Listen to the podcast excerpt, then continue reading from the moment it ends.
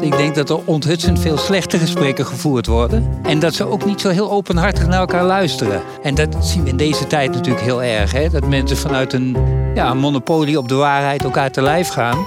Waardoor we elkaar niet meer horen. Welkom bij Duizend Stappen. In deze podcast ga ik, organisatiefuturoloog Arjen Bannach, een stuk lopen met iemand die ons iets kan leren over vitaliteit in organisaties. En vandaag eigen regie, oftewel autonomie in je werk. Het zorgt voor zelfstandige, gezonde en gelukkige medewerkers. Maar je medewerkers ook daadwerkelijk meer autonomie geven over hun werk, voelt misschien spannend. Want hoe weet je dan of het goed gaat? En gaat het ook wel goed? Deep Democracy trainer Frank Weijers weet hoe we die twijfels en onzekerheden te boven kunnen komen. Ik ga met hem aan de wandel en wil weten hoe kan je nou als leidinggevende de autonomie bij je medewerkers stimuleren. Nou Frank, ik loop hier naast jou eh, op de klimweg volgens mij in school. Hoe is het niet? Ja, zeker de klimweg. En die heet niet voor niks zo. We gaan meemaken wat er gaat gebeuren, maar dat wordt ook bij de duizend stappen. En natuurlijk allereerst welkom in de podcast. Leuk dat je te gast bent. Dank je. En uh, ja, even voor de luisteraars, wie, wie is uh, Frank Weijers? Um, nou, ik, uh, ik ben in het dagelijks leven Deep Democracy trainer en facilitator van gesprekken. Dat betekent, ik werk met, uh, met, met complexe dialogen in groepen. Ik werk met groepen in conflict. Ik leid andere mensen op om dat te doen. En ik werk veel rond het thema ruimte in organisaties. Kijk, dat is een interessant thema. Dat, dat, dat, gaat gelijk bij een hoop mensen wel de nieuwsgierigheid wekken, denk ik. Maar ja, de term hè, die, die jij eigenlijk noemt en die misschien ook wel een beetje centraal staat naast die ruimte natuurlijk. Deep democracy. Ik denk dat nou, toch wel wat mensen ondertussen daar wel wat van hebben gehoord. Maar dat nog steeds niet iedereen daar een goed beeld bij heeft. Dus zou je ons daar allereerst even mee kunnen nemen? Ja, deep democracy gaat eigenlijk over goede gesprekken voeren zodat je op de betere manier conflict met elkaar kunt hebben. Dat wil zeggen conflict in de zin van wij kijken verschillend naar dezelfde werkelijkheid. Ja. En dat gaan we leuk vinden dat we van mening verschillen, want dan zien we samen meer. Ja. En als we dat heel goed kunnen, dan kunnen we ook heel goede inclusieve besluiten nemen. En dat zijn besluiten met de wijsheid van de meerderheid ja. en de wijsheid van de minderheid. Oké, dus eigenlijk iedereen wordt gehoord, iedereen telt mee. Ja, absoluut. En, en het gaat dus over het goede gesprek mag ik daaruit opmaken dat op heel veel plekken in heel veel organisaties, teams, nog niet het goede gesprek wordt gevoerd? Nou ja, en zelfs erger dan dat. Ik denk dat er onthutsend veel slechte gesprekken gevoerd worden. Ja. Dus dat mensen zich over het algemeen niet zo vrijmoedig uitspreken omdat ze bang zijn voor conflicten. Ja. En dat ze ook niet zo heel openhartig naar elkaar luisteren. Ja. En dat zien we in deze tijd natuurlijk heel erg. Hè? Dat mensen vanuit een, ja, een monopolie op de waarheid elkaar te lijf gaan waardoor we elkaar niet meer horen. Ja. En dus ook niet gebruik kunnen maken van, uh, van de kennis die er is in, in, in een hele groep. Ja, dus we hebben, hè, zoals je dat ook mooi noemt, iedereen kijkt door zijn eigen bril naar de realiteit. Ja. En we, we, we benaderen alles een beetje te veel, misschien wel vanuit de eigen realiteit, willen dat te veel benadrukken in plaats van dat we openstaan voor andere inzichten. Absoluut. En ja, je ziet in deze tijden van corona ja. hoe het ook steeds sterker polariseert. Ja. En we steeds meer tegenover elkaar komen te staan. Ja. In plaats van dat we met elkaar dat hele potentieel aan, aan kennis, ervaring, et cetera, echt goed met elkaar benutten. Precies. En ik, ik, als je dit zo zegt, dan kan ik gelijk bij de maatschappij daar heel goed een voorstelling bij maken. Maar dit gebeurt natuurlijk ook op het werk. En dan zitten we nu ook veel op werk op afstand. Maar wat is het gevolg hiervan als je dit op het werk niet goed doet? Nou, als je het werk niet goed doet, ja. dan betekent dat dat binnen teams, binnen organisaties, het potentieel niet goed benut wordt. Hm. En dat is wat we natuurlijk heel vaak zien, hè? dat we horen dominante stemmen, ja. we horen echte meerderheidsstemmen, en die minderheidsstemmen komen niet zo aan bod. Het is moeilijk om die te laten horen. En, um, ja, en als we ze al laten horen, dan is het ja, is de kunst natuurlijk dat we echt goed openhartig naar elkaar kunnen luisteren daarin. Aha, want in die minderheid, wat zit daar in die minderheid verscholen wat we wel naar voren moeten halen? Nou, daar zit net zo goed als bij de meerderheid zit daar wijsheid in. Um, die we links laten liggen op het moment dat we zeg maar een, een, een beetje een old-fashioned manier hebben van democratie bedrijven. Ja. En die ouderwetse manier is, de meerderheid beslist, dat gaan we doen. Ja. En wat we hier doen is dat we zeggen, we gaan besluiten juist verrijken met wat er in de minderheid zit. Dus we gaan aan de minderheid vragen: wat heb je nou nodig om in dit meerderheidsvoorstel mee te gaan? Ah, dat is interessant. Want het is mij ook wel eens ooit verteld: hè, vernieuwing ontstaat eigenlijk altijd bij de minderheid. Dus Dus als je die inderdaad, zoals jij dat zo mooi zegt, zomaar iets democratisch besluit, kan er misschien ook wel heel veel interessante inzichten, ja, die kunnen verloren gaan. Ja, we zijn juist geïnteresseerd in die tegenstemmers. Hè? In, in andere geluiden horen, de geluiden die anders niet zo hoorbaar zijn omdat er echt veel wijsheid in zit die we anders laten liggen. Ja. Dus door daar echt goed naar te gaan luisteren, kunnen we besluiten die we nemen echt veel beter, veel rijker maken. Ja. En dat is iets anders dan wat we nu vaak doen. Hè? Wat we nu vaak doen, is dat we een beetje polderen zo. Ja. We horen de meerderheid stemmen, we kijken of we daar een beetje een compromis uit kunnen maken. Terwijl wat we hier doen, is dat we zeggen: nee, we willen echt de potentie van een hele groep gebruiken. Ja. En hoe kun je dat nou als leidinggevende? Want ik, ik, ik, ik neem even aan dat een leidinggevende, een manager, hier toch ook wel een, een belangrijke rol in heeft om te zorgen dat dat gesprek ook met iedereen goed gevoerd wordt. Hoe kun je dat nou op een goede manier faciliteren? Dat je zorgt dat ook die minderheid eh, goed aan bod komt. Ik denk dat het allerbelangrijkste wat leidinggevenden erin te doen hebben, is dat als ze met hun teams praten, dus als ze met groepen mensen in hun organisatie praten, dat ze met die mensen samen heel erg goed inchecken. En dat inchecken, dat is zeg maar een vorm die wij bij Deep Democracy veel gebruiken. Waarin we met elkaar delen zo van, goh, hoe, hoe is het eigenlijk nu met je? Dat Ja. is iets waar we weinig aandacht aan besteden. En wat vind je belangrijk in dit gesprek? Wat vind je belangrijk dat we nu gaan bespreken? En dat die leidinggevende als eerste zelf daarover gaat delen. Dus die leidinggevende begint zelf daarover te vertellen. En naarmate die leidinggevende daar zelf opener in is, dus meer deelt, Ja. gaat hij ook meer uit die groep krijgen. Kijk, Dus het is een kwestie van, ja, de, de interventie is, doe het zelf, ja. zodat uiteindelijk door de besmettelijkheid daarvan het in de groep ook gaat gebeuren. Ah, interessant. Dus je hebt echt een beetje voorbeeldfunctie, een karttrekkersrol daarin als leidinggevende om dat te doen. En als jij dat doet, dan mag je het ook van je medewerkers verwachten. Absoluut, Ja. absoluut. Mooi. Ja. Dus de incheck is eigenlijk al gelijk een hele concrete tip. Eigenlijk elke vergadering, moet ik dat dan zeggen? Of- Ik zou zeggen, iedere bijeenkomst. Ja. Het is echt, eh, het is echt een disclaimer erbij hoor. Als je het eenmaal gaat doen, je komt er ook niet meer vanaf. Dus iedere bijeenkomst die ik heb met twee of meer mensen, daar checken we in. Ja. Gewoon zo eens even kijken, hoe is het met je? Wat vind je belangrijk? Dat delen we met elkaar. En dan hebben we een ontzettend goed vertrekpunt om echt een beter gesprek te gaan voeren. ja, want dat wou ik vragen. Wat levert dat dan op? Dus dat is een beter gesprek. Zou je ook kunnen stellen dat het meer vertrouwen oplevert in een team? Het levert zeker meer vertrouwen op, want er is een, een heel directe relatie tussen openheid en vertrouwen in groepen. Hm. Dus ik hoor, hoor vaak zeggen in groepen hè, van goh, er is te weinig vertrouwen, daardoor zijn we niet zo open naar elkaar. Ja. En dan hoor ik ze ook tegelijk zeggen, we zijn niet zo open naar elkaar en daardoor is er te weinig vertrouwen. Ja, Nou ja, dat moet je doorbreken. En dat Ja. doorbreek je door zelf open te zijn. Ja. En die leidinggevende is echt de eerst verantwoordelijke om dat te gaan doen. ja. Laat die die plek nou innemen. Want ik kan me, als we me een beetje in deze tijdgeest plaatsen, kan ik me voorstellen dat juist dat vertrouwen in teams, in organisaties, doordat we zo op afstand van elkaar zijn komen te staan, dat dat ook onder druk staat. Ja, dat is best een lastige, want je ziet natuurlijk niet meer wat je mensen doen. En je, je ziet daar ook uitwassen van. Hè? Dat, dat leidinggevende eh, computerprogramma's gaan installeren om te controleren eh, hoe hard hun medewerkers wel bezig zijn. Ja. Ah, en het werkt natuurlijk precies andersom. Hè? Ja. Die mensen die. Kijk, 9 van de 10 mensen is er ontzettend op uit om zijn werk hartstikke goed te doen. Precies. Als hij daar de ruimte maar voor heeft. Ja. Ja, dat is een interessant, hè? want dat is natuurlijk ook het thema van, eh, van deze podcast. Als hij daar maar de ruimte voor heeft. En nou zou je kunnen zeggen, in deze tijd heb je die ruimte eigenlijk ja, automatisch meer gekregen. Ehm, maar de vraag is natuurlijk, hoe doe je dat op een goede manier als leidinggevende? Hoe geef je nou die autonomie? Hoe draag je die op een goede manier over? Heb jij daar adviezen voor? Ja, nou, een eerste belangrijk advies is: ik hoor leidinggevenden heel vaak praten in termen van: ik geef mijn mensen de ruimte. Ja. Dat is niet helemaal de goede zin. Dus het begint al met de taal die je gebruikt. Ja. Het is niet ik geef ze ruimte, maar ik laat ze de ruimte die van hen, de professionals, is. Dat is hun professionele ruimte. Ja. En in plaats van daar heel erg op te sturen, vraag ik aan mijn mensen: wat heb je nou nodig om die ruimte zo goed mogelijk en met plezier te benutten? Mooi. Dus dat is al een hele belangrijke twist. Die ruimte is al van hun.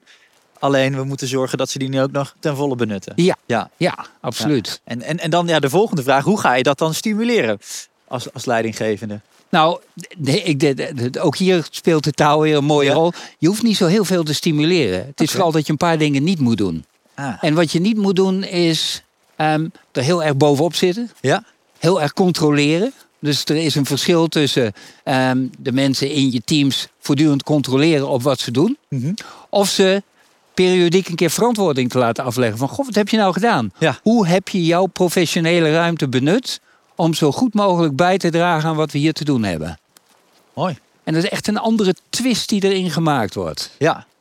En wat nou, want tenminste dat hoor ik vaak, is dat, dat ik dan leidinggevend door zeg. En dan moet ik gelijk weer even kijken of ik het niet al in de juiste bewoording zeg, Frank. Want misschien Ja. ga ik weer de fout.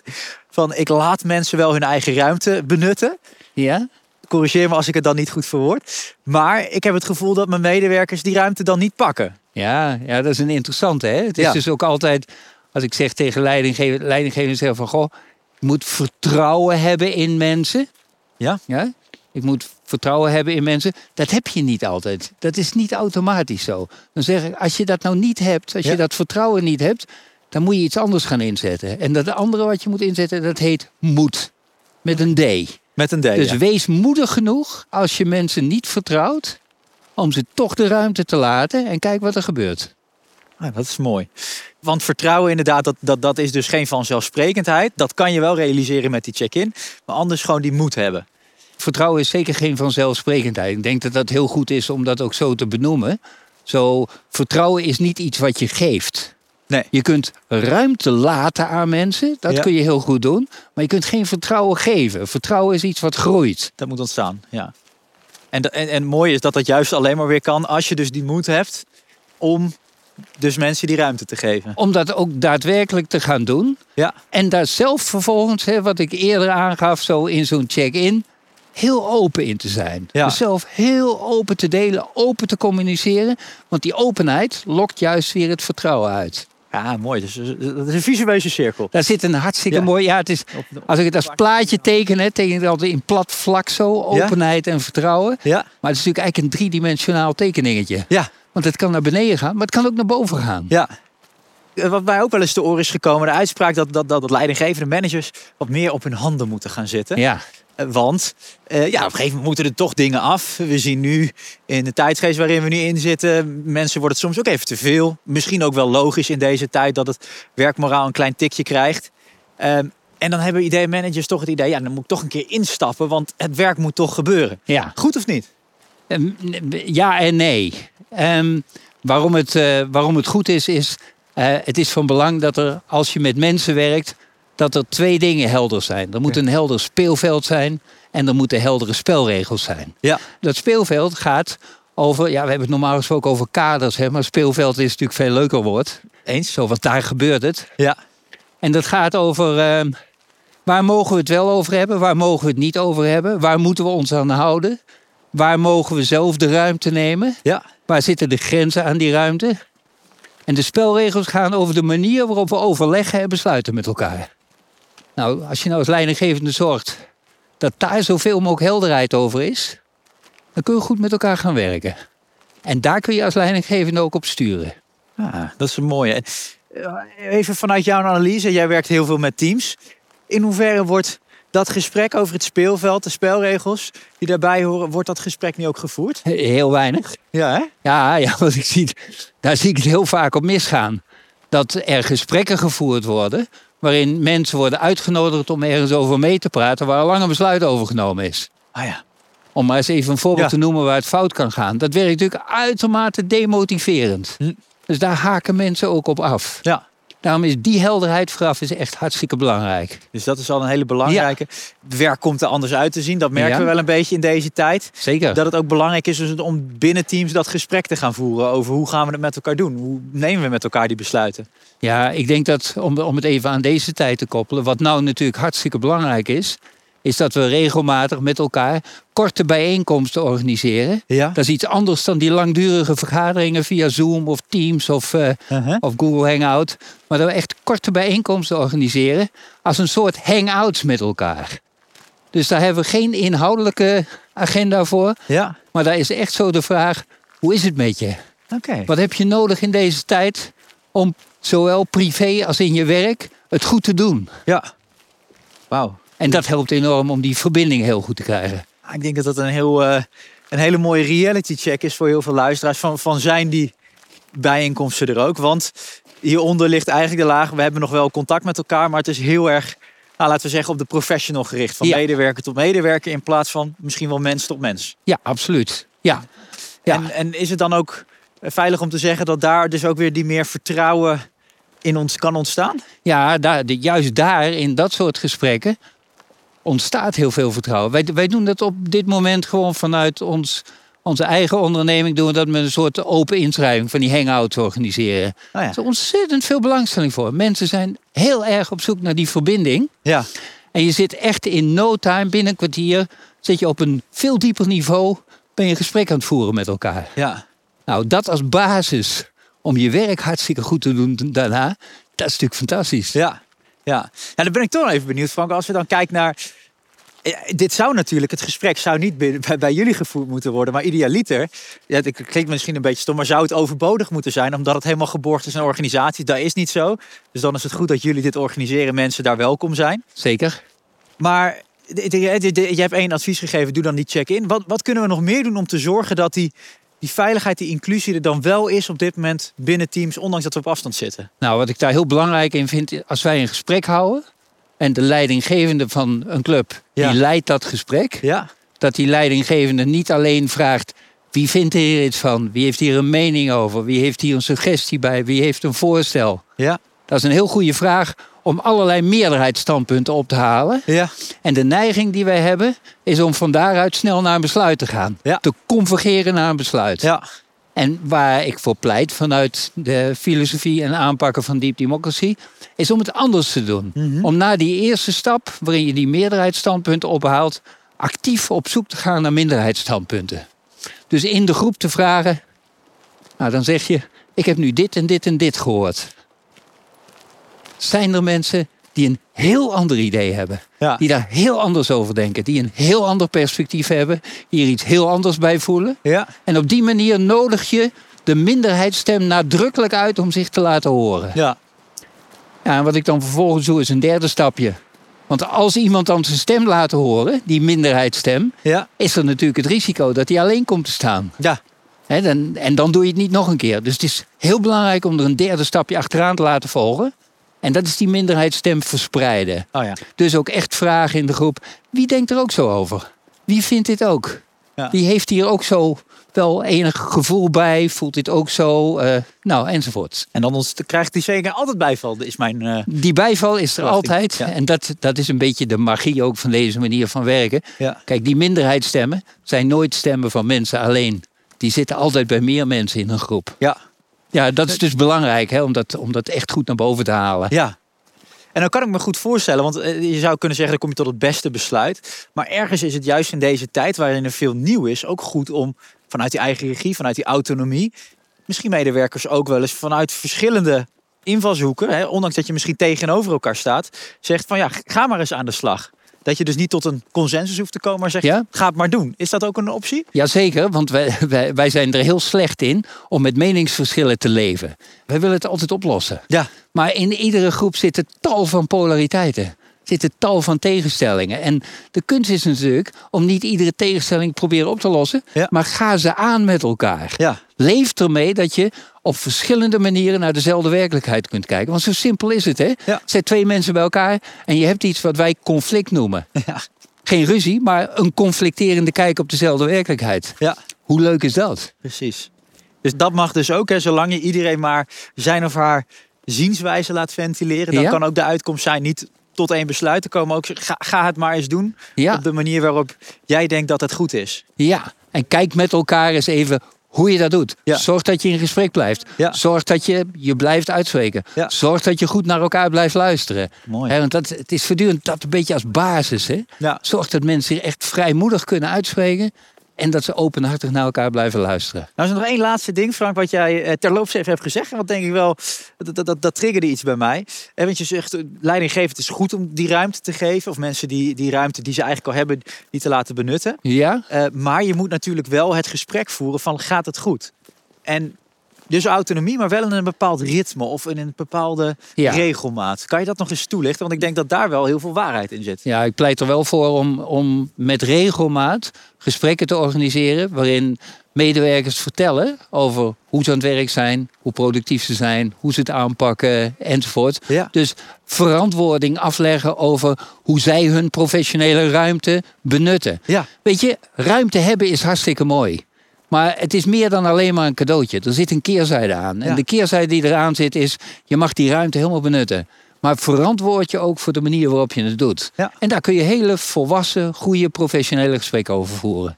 Mooi. Mooi gezegd, Frank. Heb je tot slot nog een laatste advies ja, die je de luisteraars mee zou kunnen geven? Misschien een leidinggevende of misschien wel een medewerker waarvan je zegt... nou, als je dan toch wil beginnen met ja, nog meer die eigen ruimte die er is benutten... nou, start hier dan eens mee. Ja, nou, ik, ik zou wel een paar dingen willen zeggen. Ik zou zeggen, zeg niet meer ik geef ze ruimte, maar zeg ik laat ze ruimte. Ja, mooi. Dat is best een verschil. Dat gaan we niet meer doen nu. Ehm, ga check-ins doen. En Ja. begin zelf in die check-in en zorg dat je open bent daarin. Wat jij er aan openheid in stopt, krijg je er ook uit in de groep. En ten derde, wat ik echt heel belangrijk vind in die gesprekken. Kijk, meerderheidsstandpunten komen vanzelf naar boven. Ja. Maar vraag met regelmaat. Is er iemand die er heel anders over denkt? Die een heel ander idee heeft? Die een heel andere suggestie heeft? Enzovoorts. Om echt ook die minderheidsstem actief te maken. Mooi. Prachtig. Nou, dat gaan de mensen meenemen. Mag ik je hartelijk danken voor je inspiratie. eh, Ja, nou, eh, bedankt voor de fijne wandeling. Dat waren de duizend stappen met Frank Weijers. En hopelijk heb je nu een beter beeld van hoe om te gaan met deep democracy. Hoe om te gaan met het ruimte laten aan je medewerkers en dat daar moed voor nodig is. Heb je met ons meegelopen? Complimenten. En wil je nou nog meer inspiratie? Ga dan naar www.zilverenkruis.nl/zakelijk.